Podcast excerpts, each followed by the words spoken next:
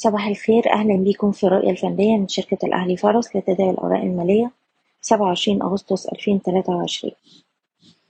استمر ارتفاع المؤشر للأسبوع الرابع على التوالي وصلنا لأعلى مستوى من مايو ألفين وتمنتاشر عند مستوى تمنتاشر ألف تلتمية اتنين وعشرين نقطة. قفلنا الأسبوع على ارتفاع بالقرب من أعلى مستويات الأسبوع عند تمنتاشر ألف ميتين نقطة. المؤشر دلوقتي بيواجه مستوى مقاومة رئيسي والقمة التاريخية عند مستوى تمنتاشر ألف وربعمية.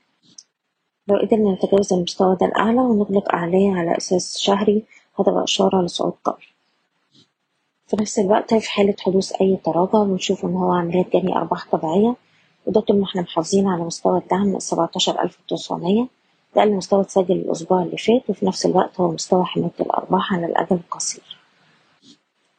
وبالنسبة للأسهم نبدأ بسهم المصرية للاتصالات. نقدر نحتفظ طول ما إحنا محافظين على مستوى الدعم الهام الخمسة وعشرين جنيه وخمسة وتمانين قرش. والسهم بيستهدف مستويات السبعة وعشرين وسبعة وعشرين سبعين القبضة القوتية بالجنيه نقدر نحتفظ فوق مستوى الدعم الخمسة وتلاتين جنيه وتمانين قرش. والسهم بيواجه مقاومة عند السبعة وتلاتين جنيه خمسة وسبعين. باختراق المستوى ده الأعلى بيفتح له الطريق لمستوى التسعة وتلاتين جنيه. العربية للأسمنت السهم بقاله تلات أسابيع في حركة عرضية عنده مستوى مقاومة عند السبعة جنيه ونص. نتوقع اختراق المستوى ده الأعلى. وفي الحالة دي بنستهدف مستويات التمانية والتمانية تلاتين المصرية للتواجد نقدر نحتفظ في مستوى اتنين جنيه ستة وستين والسهم بيستهدف مستويات المقاومة عند الاتنين تسعين وتلاتة جنيه.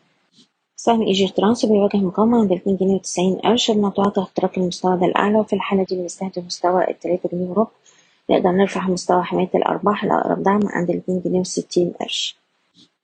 وأخيرا سهم إي فاينانس شايفينه بيستهدف مستويات التمنتاشر والتمنتاشر ونص طول ما إحنا محافظين على مستوى الدعم السبعتاشر جنيه. بشكركم بتمنى لكم التوفيق. إيضاح الشركة غير مسؤولة عن أي قرارات استثمارية تم اتخاذها بناء على هذا التسجيل.